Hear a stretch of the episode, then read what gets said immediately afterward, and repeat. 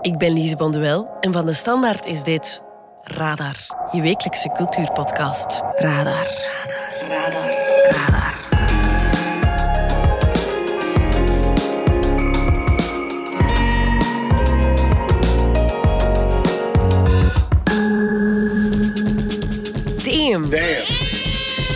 Dat was de titel van het laatste album van Kendrick Lamar. Maar het is ook exact wat ik dacht toen ik aan het luisteren was naar zijn nieuwe album. Kendrick Lamar is na vijf jaar terug. Bitch, sit down. Met een nieuw album, Mr. Morale and the Big Steppers. Met al snel de woorden Hello, new world. All the boys and girls. I got some true stories to tell. en dat hij een paar straffe verhalen te vertellen heeft. I want to say thank you to everyone that's been down with me. We praten erover met Nick de Leu. All my fans, all my beautiful fans. You walk around like everything is in control. Favor come with favors and you can't say no. Welkom bij Radar. Radar.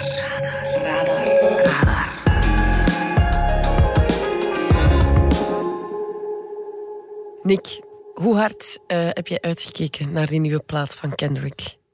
Eh, behoorlijk hard, denk ik. Ik denk dat ik daar niet alleen in was. Nee. Kendrick Lamar heeft, heeft de afgelopen jaren een enorme status bereikt. Niet alleen in de hip-hop, maar gewoon in de muziekindustrie in het algemeen.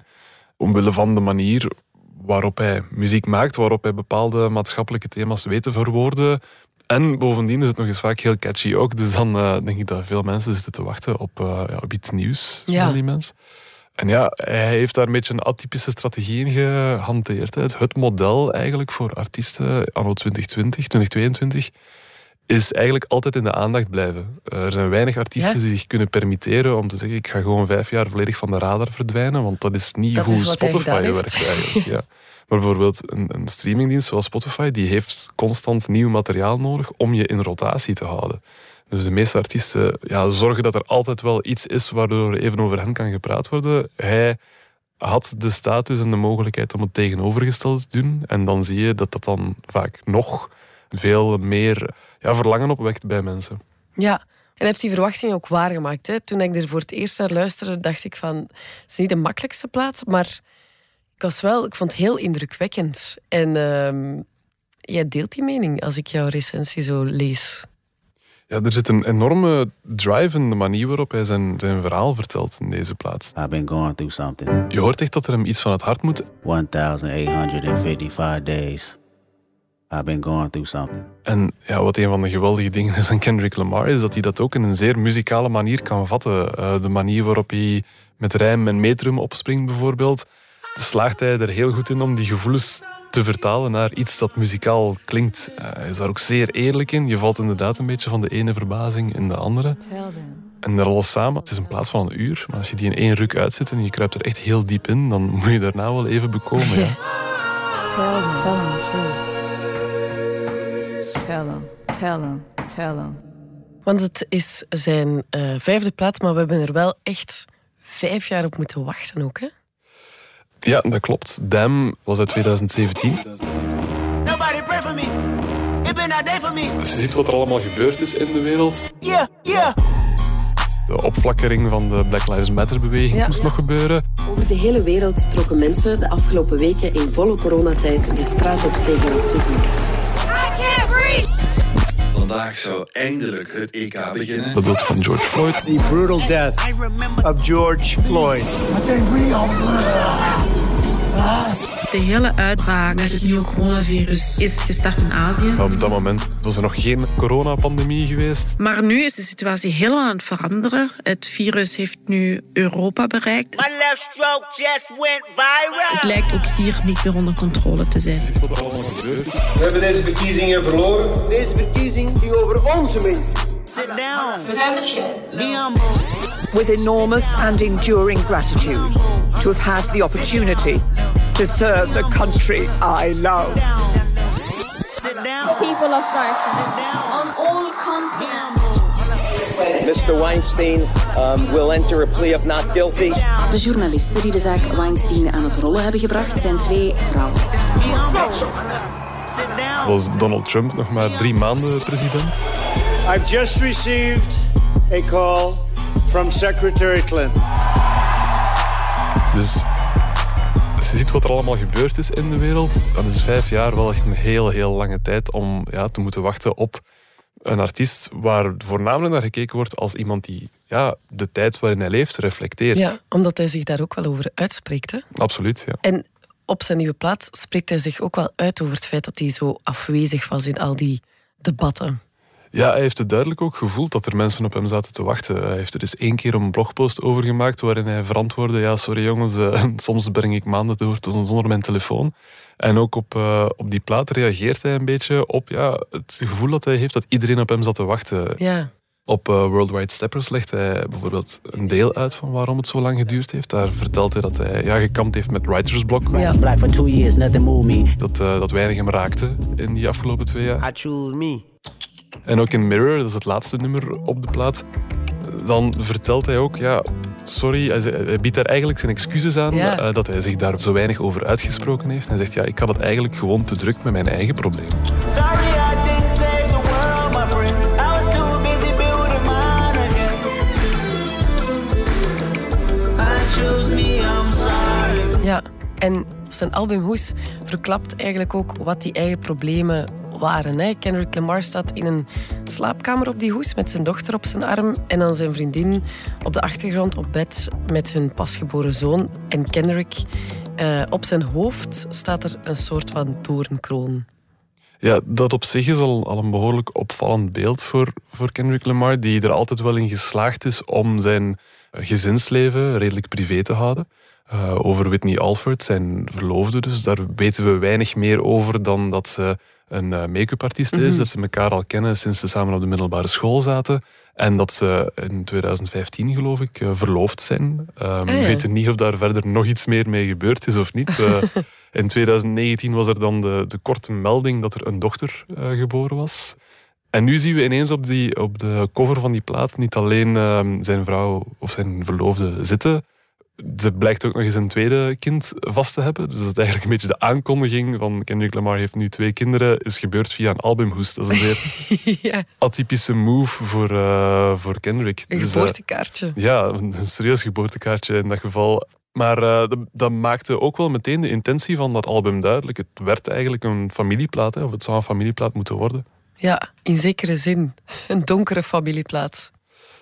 Ja, dat blijkt dan. Hè. Um, je hoort eigenlijk ook de, de stem van, van Whitney Alford de hele tijd doorheen de plaat. Ook dat is een unicum. En ja, de dingen die ze zegt, die wijzen niet op al te veel uh, roze geur en maneschijn binnen die relatie. Ze begint met, uh, met eigenlijk Kendrick aan te manen om hen de waarheid te vertellen. Hen, Ja. dat is dan vermoedelijk de luisteraars. Ze raadt hem een paar keer aan van, uh, ja, je moet in therapie gaan. Je moet uh, ja, uh, zelfhulpboeken van Eckhart Tolle gaan lezen. En ze heeft het ook een paar keer over zijn verslaving, zijn addiction. En die legt Kendrick dan uiteindelijk toch wel zelf uit aan de luisteraars. Blijkbaar heeft hij de afgelopen jaren gekampt met een seksverslaving. Mhm. En zou dat ook wel voor wat uh, spanningen gezorgd hebben in die relatie. Hoe dat precies uh, afgelopen is, dat weten we eigenlijk niet. Dat is ook niet echt helemaal het punt van het album, denk ik. Het schetst wel wat iemand kan doormaken als hij in die wervelwind gevangen zit. De, Ja. de uitzichtloosheid ervan, het niet weten hoe je daarmee moet omgaan, of je nog bepaalde dingen kan rechttrekken of niet. Dat is wel een beetje het gevoel dat die plaat doorspekt. Uh, en ook muzikaal zelfs. In sommige nummers hoor je echt die bassen heel erg kloppen. Ja. Net op het moment dat hij iets opbiecht. Third night in Chicago, North America tour, my eye closed. V545, she was a model. Hij, hij vertelt op een bepaald moment uh, hoe hij ja, de pijn uh, probeerde weg te neuken op een tournee. En dan wordt die bas daar echt heel erg luid in. Dat is, ik zie dat een beetje als het, als het, als het schuldgevoel dat, dat knaagt, bijvoorbeeld. Ja. Ja, en zijn manier van omgaan met die, met die trauma's of twijfels. Hij zegt dan dat hij blijkbaar vooral uh, geld besteedt aan appartementen en, en horloges en zwembaden die hij niet gebruikt. The black G-wagon away from. It was all rap. I was 28 years young, 20 million in tax. Bought a couple of mansions, for practice. 500 in jewelry, chain was magic. Maar dat hij daar nooit gelukkig van wordt eigenlijk. Ja, ja. ja dat het niet stopt en dat hij zich verliest in vrouwen. Ja, dat bleek dan het enige dat een beetje leek te werken of zo, ja.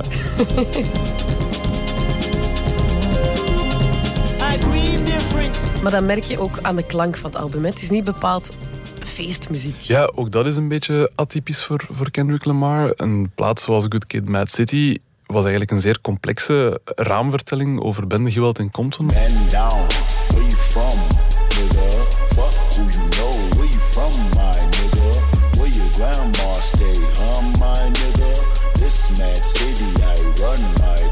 Maar hij slaagde er nog altijd in om daar nummers in te zetten zoals uh, swimmingpools die zeer, zeer catchy en radiovriendelijk ja. waren.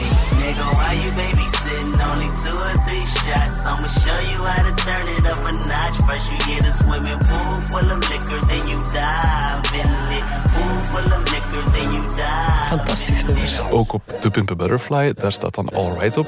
All's my life I has to fight, nigga ja, de reden dat dat een beetje meegenomen wordt als een soort van protestlied van Black Lives Matter is net ook omdat het zo catchy is en dat het ja, zeer toegankelijk is.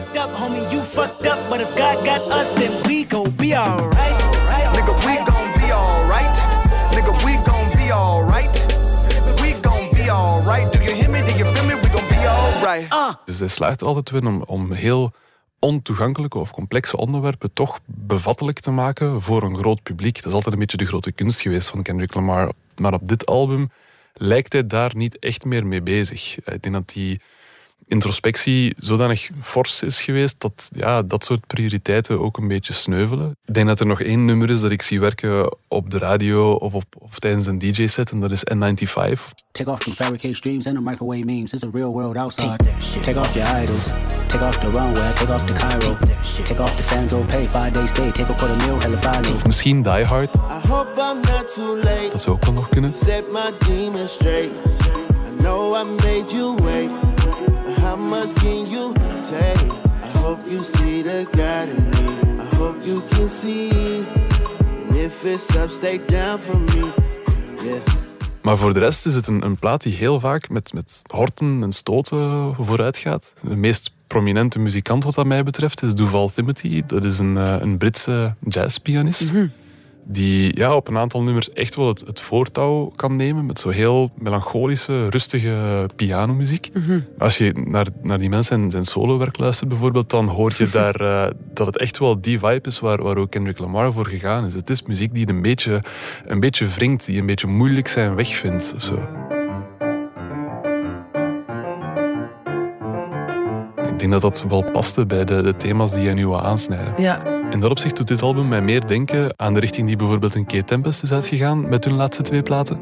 Waar dat eigenlijk meer een soort van lange gedichten worden die ook op muziek staan. En ja. het, uh, ja, beslommeringen over uh, refreinen of, uh, of catchy. catchy quotes, dat valt daar een beetje weg. No prizes. Take your shot for the love of the game.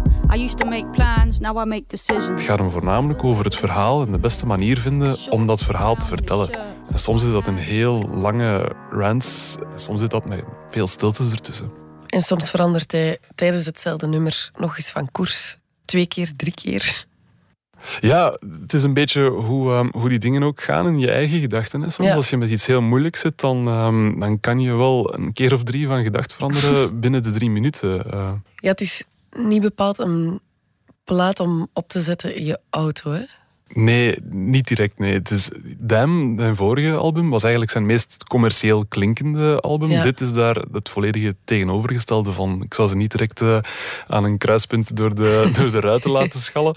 Het is eerder het soort... Ja, ik vind het een beetje een album dat je kan bekijken als een boek bijna. Ik denk dat dat de beste manier zal zijn om het te consumeren. Op het moment dat je zegt, nu ga ik even in de zetel zitten met een boek, ja. Zou ik zeggen, um, ga even in een zetel zitten met een koptelefoon en neem er de teksten bij. Uh, Spotify heeft daar trouwens tegenwoordig een, eh, een handige functie voor.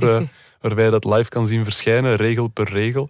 Maar ik denk dat dat echt de beste manier is om, er, om erin te kruipen. Om echt te gaan luisteren naar je moet echt een beetje op zoek gaan naar wat Dat is hierin een zit. verhaal. Ja, naar het verhaal dat erin zit. Want het is niet dat hij het je cadeau geeft of Nee. zo. Hello, new world, all the boys and girls. I got some true stories to tell. You're back outside, but they still lie. Ja, hij zit ook op een soort van preekstoel, hè? midden in die relatiecrisis, zoals dat je zei. Hij biedt zijn seksverslaving op, maar hij gaat ook op zoek naar ehm, wat hem zo ver gedreven heeft ook. Hè? Dat zit heel erg in, in Mother Rise Sober, denk ik. Wat een van de, een van de hoogtepunten is van de plaat, wat dat mij betreft. Maar daar gaat hij echt op zoek naar ja, dingen die in zijn jeugd gebeurd zijn. Hij praat er onder andere over de relatie met zijn moeder. Zijn moeder die zelf ook in haar, haar jeugd misbruikt geweest is. En die dat ook een beetje projecteerde op de jonge Kendrick, blijkbaar. Mother cried, put their hands on her. It was family ties, I heard it all. I should have grabbed a gun, but I was only five, I still feel it. Dat moet hem ook wel opgezadeld hebben met een aantal onzekerheden. Net zoals de relatie met zijn vader, die schetst hij dan in Father Time. Blijkt dat een zeer emotioneel coole mens, die dan zeer veel eisend is en hem inprent met het idee dat een man sterk moet zijn, niet moet huilen en altijd moet doorgaan. Daddy issues hit my emotions. Never express myself. Man should never show feelings. Being sensitive never helped. Ja, dat tekent je wel als kind. Over dat heeft alleszins Kendrick behoorlijk getekend als we op deze plaat mogen afgaan. En Ja. in dat nummer komt hij tot de conclusie dat die onzekerheden hem gemaakt hebben wie hij nu is. If you derive your sense of identity from being a victim, let's say bad things were done to you when you were a child, and you develop a sense of self that is based on the bad things that happened to you. Ja, dat is, als hij daar even afstand van neemt en naar kijkt, is dat een beeld waar hij niet zo tevreden mee is. Egotistic, zero giving fucks, and a be specific. Need assistance with the way I was brought up. Dat is een beeld van een man die dan ja, zijn verloofde blijkbaar eh, bedroog op tournee. Ja. Met als gevolg dat ze hem uiteindelijk verlaten heeft volgens dat nummer. To my partners that figured it out without a father, I salute you. May your blessings be neutral to your toddlers. It's crucial. They can't stop us if we see the mistakes. Till then, let's give the women a break. Grown men with daddy issues. Deze week zijn ze wel eh, samengezien in Ghana en ze staan nu toch ook samen op het album. Ja, er zijn inderdaad foto's opgedoken van hen samen in Ghana bij de release. Maar ik zeg het, ik denk dat het eindresultaat van die relatie tussen die twee, eigenlijk is daar geen uitsluitsel over. Lamar heeft ook nog geen interviews gegeven of nog geen eh, statements gedaan erover. Ik denk dat dat ook niet het hele punt is van het album. Op dat vlak is het zeer gelijkaardig als, eh, als toen eh, Beyoncé een aantal ge- jaren geleden Lemonade uitbracht. Ja. Something don't feel right because it ain't right, especially coming up after midnight. I smell your secrets, and I'm not too perfect to ever feel this worthless. How did it come down to this? Eh, het was een album dat, dat ging over de ontrouw van haar man Jay-Z. Know that I kept it sexy, and know I kept it fun. There's something that I'm missing, maybe my head for one. Veel van, van de conversaties rond dat album in de nasleep van toen het verscheen, gingen vooral over: is dit nu echt? Is het nu echt? Is het niet echt? Heeft Jay-Z Beyoncé echt bedrogen? Zijn ze nu terug samen? Maar voor die artiesten zijn dat niet de voornaamste punten die ze willen prijsgeven. In beide gevallen is het een soort van de poort openen naar het diepste van uw ziel, maar wel nog altijd heel hard bepalen wat ga ik prijsgeven. En daar is altijd wel een reden voor. Ik denk dat ze allebei met die platen probeerden een, een universum te schetsen dat misschien herkenbaar is voor Mhm. andere mensen. En dan is de einduitkomst van hun specifieke situatie niet zo relevant. Ja. Nu, ehm, Beyoncé praatte toen vooral vanuit een eh, slachtofferpositie. Kendrick is in dit geval eh, de dader, hè? Inderdaad, op dat vlak is het een, een zeer kwetsbaar verhaal ook dat hij vertelt. En ook wel redelijk atypisch. Zeker in de hiphopwereld, waar het vaak belangrijk is om de, de grootste en de sterkste Mhm. en de slimste en de beste te zijn. Gaat hij eigenlijk zichzelf voorstellen als iemand die het ook allemaal niet meer zo goed weet. Dat hoor je het best in Crown, denk ik. Waar hij de hele tijd herhaalt alsof het een soort van mantra is van I can't please everybody.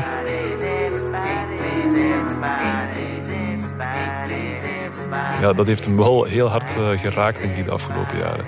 En ik snap dat ook wel, want ja, als je kijkt naar het discours rond Kendrick Lamar, dat was een halve heiligverklaring Ja. dat daar eh, over aan de gang was. Hè. Ehm, op, op basis van zijn carrière. Ik The Grammy goes to kreeg allerlei Grammys. Kendrick Lamar.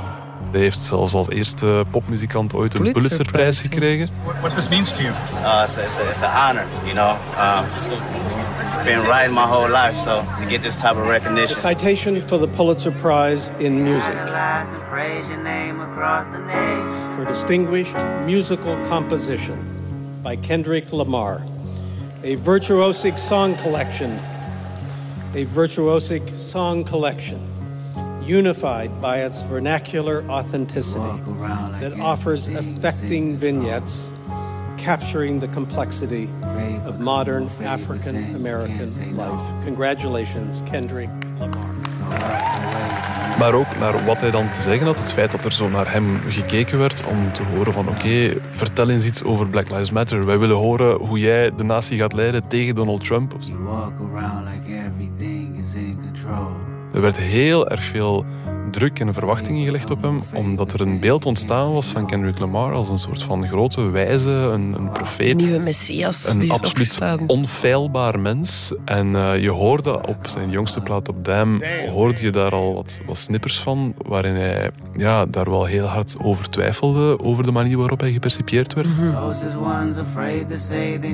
Time. Deze plaat gaat daar nog een stap verder in. Hij twijfelt er niet alleen meer over, hij wil er actief van weg, eh, van die perceptie van hem als, eh, als heilig boontje. Ja. En daarom ja, biecht hij zoveel op van de dingen die hij, die hij fout gedaan heeft in zijn relatie.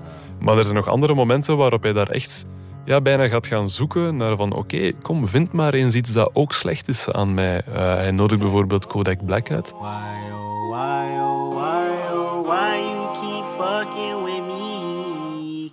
een populaire rapper is in de, in de VS, maar Ja. die wel beschuldigd geweest is van verkrachting. Ja. Dat is het soort van toondove keuze waarvoor Kanye West eh, bij zijn jongste plaat bij Donna nog afgemaakt werd. Omdat hij eh, The Baby, die een, een homofobe rapper was, en Marlon Manson, die ook beschuldigd werd van aanranding, omdat hij hen had uitgenodigd. Maar je verwacht dat niet van hè, de grote profeet Kendrick Lamar. Ook dat lijkt mij eerder zo een, een keuze om te zeggen van zie je wel dat ik helemaal niet zo perfect ben als jullie denken dat ik ben? Be quiet. I'm stressed out. Stressed out, stressed out, stressed out. Ja, voor mij verklaart dat wel waarom hij in die clip van The Hard Part 5, dat nummer dat vlak voor zijn plaats is verschenen, morpht of eh, transformeert in een Kanye West of O.J. Simpson. Hij zet zichzelf een beetje op dezelfde lijn, precies. As I get a little older, I realize life is perspective. And my perspective may differ from yours. I want to say thank you to everyone that's been down with me. All my fans, all my beautiful fans. Ja, het zijn allemaal ook zeer eh, getroubleerde figuren eigenlijk. hè. Kanye West, eh, heel lang op het schild gehesen als eh, een grote vernieuwer binnen de hip-hop. Uiteindelijk een soort van deconfituur meegemaakt, een mislukt presidentsbod, een aantal zeer vreemde uitspraken gedaan. En ja, nu zitten heel veel mensen een beetje gevangen tussen moeten we nu nog houden van Kanye West of mogen we hem al volledig afschrijven? Ja, of jij. Jee, ja, en- ja. Of bijvoorbeeld een O.J. Simpson, die ook eh, eerst een, ja, een held van het American football was Mhm. en dan ook eh, een aantal, heel aantal jaar in de gevangenis heeft gezeten. All right, Mr. Simpson, would you please stand and face the jury? En recenter nog Will Smith, eh, altijd America's sweetheart geweest, maar dan een beetje van zijn voetstuk gevallen eh, toen hij Chris Rock bij de Oscars een, een klets in het gezicht gaf. Ja.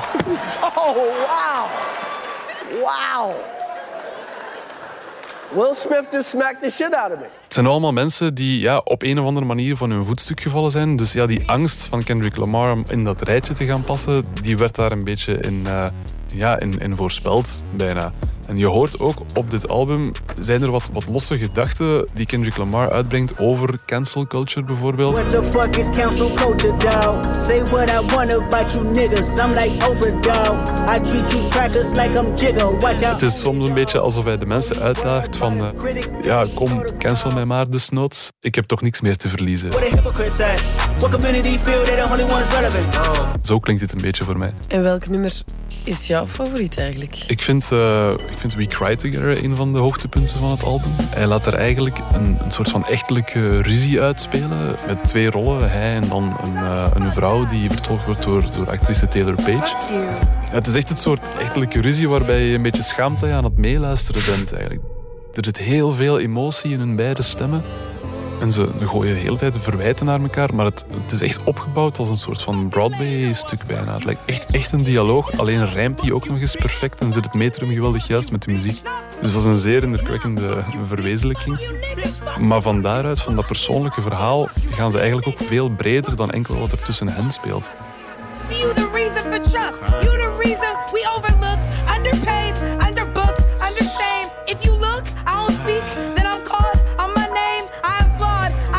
Zij beschuldigt hem bijvoorbeeld van ja, mannen zoals jij zijn de reden dat R. Kelly en Harvey Weinstein niet inzien dat ze grote fouten Ja. hebben gemaakt in hun leven. You the reason Harvey Weinstein had to see his conclusion. You the reason R. Kelly can't recognize that he's abusive. Shut the fuck up. Hij werpt ook een aantal beschuldigingen naar haar. Vrouwen zoals jij zorgen ervoor dat het glazen plafond nog altijd een ding is. Want jullie helpen elkaar niet, jullie breken elkaar af. Ja. Dus vanuit die persoonlijke relatie kijken naar een aantal maatschappelijke kwesties en dan uiteindelijk toch terugkomen naar het persoonlijke. Dat is het soort verhaalstructuur waarvoor je eigenlijk al echt bij Kendrick Lamar moet zijn. En dat vind ik een van de knapste dingen die hij op dat vlak al gedaan heeft. Stay at home. While R&B bitches don't feature on each other's songs. What the fuck is you talking about? Never mind, bitch, I'm walking. En hij staat in oktober ook in het Sportpaleis. Hè? Ga je kijken? Ik ben zeer benieuwd om te gaan kijken, maar ik stel me wel vragen bij hoe deze plaat daar gaat klinken. Iets Mm. zoals, zoals Damn, dan hoor je meteen, oké, hier staan genoeg hits op, op eh, om een aantal arenas een paar keer te laten ontploffen. Maar ehm, ja, hoe zo'n nummer als Crown of Savior in een, eh, in een sportpaleis gaat overkomen, met dat, dat hele introspectieve ervan. Het feit dat hij zich net een beetje afkeert van die heldenstatus. Ja, je hebt wel wat nodig om dat podium te vullen natuurlijk. Misschien wordt het zo'n serene luisteravond met allemaal mensen die met de aanstekers staan. Dan hoop ik dat hij een akoestische gitaar bovenhaalt. Ja. Nick de Leu, enorm bedankt. Graag gedaan. De suggestie van Geert van der Speten. Ja, ik zag deze week The Circus We Are, een eh, tentoonstellingsproject in Namen. Het zijn eh, vier tentoonstellingen op eh, evenveel plekken waar kunstenaars eh, ons tonen wat er ons verbindt met de trapeze, de rode clownsneus, eh, circusacrobaten en dergelijke meer. Er is zowel hedendaagse kunst als oude kunst te zien. En het mooie is dat de curator van de tentoonstelling, Johanna de Vos, ook zelf een geschiedenis heeft in eh, het voortheater, zoals dat eh, ooit heette, het circus. Haar overgrootvader was namelijk een circusdirecteur en ook een kunstenaar. Er hangen prachtige circusbanieren van hem, ja, geschilderde reclameborden eh, eigenlijk. Wat je ziet draait wel heel vaak rond de clown, de trieste clown, de paljas, waarin je een beetje een metafoor kan zien van, van, van de mens. Een aantal kunstenaars, 75 in totaal, hebben ook een zelfportret gemaakt van zichzelf als clown. Onder andere Marina Abramovic is erbij, eh, Jan Fabre ook, die zichzelf eh, een rode neus opzet. En dan is er in Namen natuurlijk het Felicien Rops Museum. Felicien Rops was 19e-eeuwse kunstenaar, geboren in Namen, vooral in Parijs vertoevend. Die een beetje staat voor de decadente romantiek. En ook hij was een liefhebber van het circus. Ehm, hij dook vaak in de coulissen. En het zal de kenners van het werk van Rops niet verbazen dat hij daarbij vaak eh, naakte dames eh, afbeeldde terwijl ze aan hun oefeningen bezig waren. Het is een aanrader, zeker omdat Namen een prettige stad is om te ontdekken eh, in de zomermaanden. Radar. Dit was Radar, de wekelijkse cultuurpodcast van de Standaard. Bedankt voor het luisteren. Volgende week zijn we er opnieuw. Radar bundelt ook cultuurtips in de Standaard Weekblad en in de nieuwsapp van de Standaard. Luister zeker ook naar onze nieuwspodcast Vandaag, uw dagelijkse nieuwsverhaal in 20 minuten. En ken je DS Podcast, de nieuwe podcast-app van de Standaard? Daar luister je niet alleen naar al onze journalistieke reeksen, je krijgt ook elke week een eigenhandige selectie van onze redacteurs en je vindt er ook al je persoonlijke favorieten. Download de app nu gratis.